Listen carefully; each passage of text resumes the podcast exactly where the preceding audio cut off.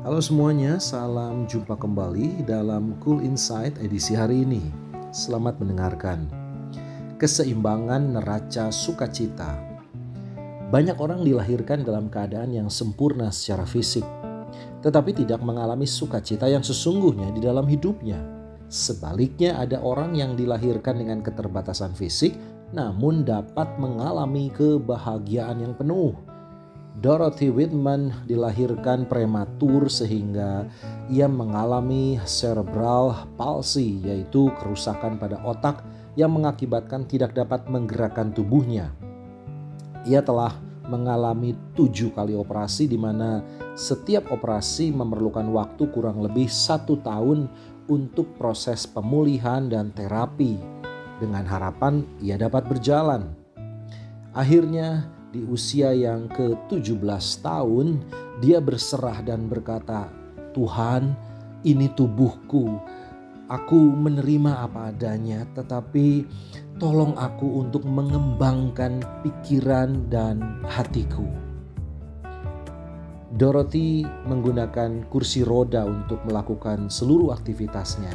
Dan kini pada usia ke-71 tahun, ia selalu mendorong kursi rodanya ke bawah sebuah pohon yang rindang di dekat apartemennya dan melambaikan tangannya kepada setiap orang yang lalu lalang.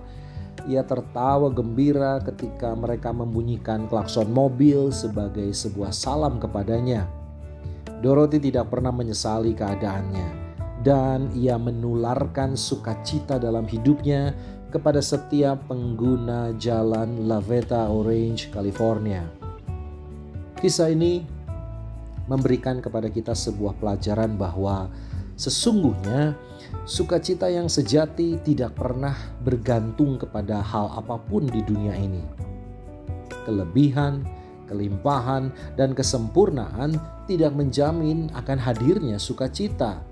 Demikian pula sebaliknya, kekurangan, kemiskinan, dan keterbatasan bukanlah penghalang untuk kita menikmati sukacita.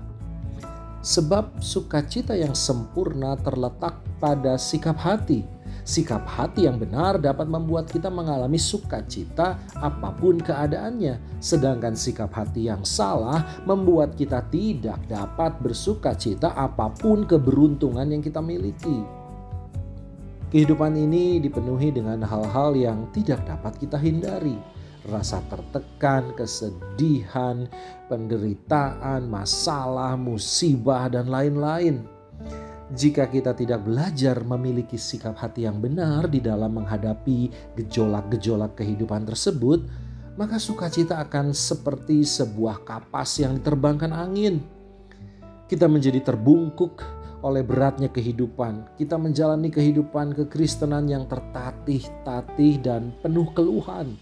Bagaimanakah kita dapat menjadi saksi Kristus dengan kehidupan yang demikian? Hal ini pula lah yang menjadi pertimbangan Daud.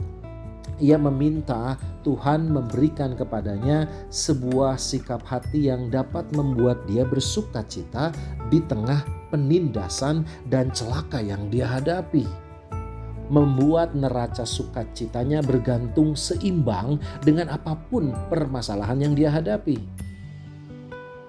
Saudara, marilah kita berhenti mengeluh untuk setiap permasalahan yang kita hadapi. Hiburkan diri dengan berpikir bahwa kita bukanlah satu-satunya orang yang menderita. Masih banyak orang di luar sana yang bergelut dengan penderitaan mereka. Selamat malam, saudara. Semoga terinspirasi. Selamat beristirahat dalam sampai bertemu dengan Cool Insight edisi berikutnya. Tuhan memberkati Anda.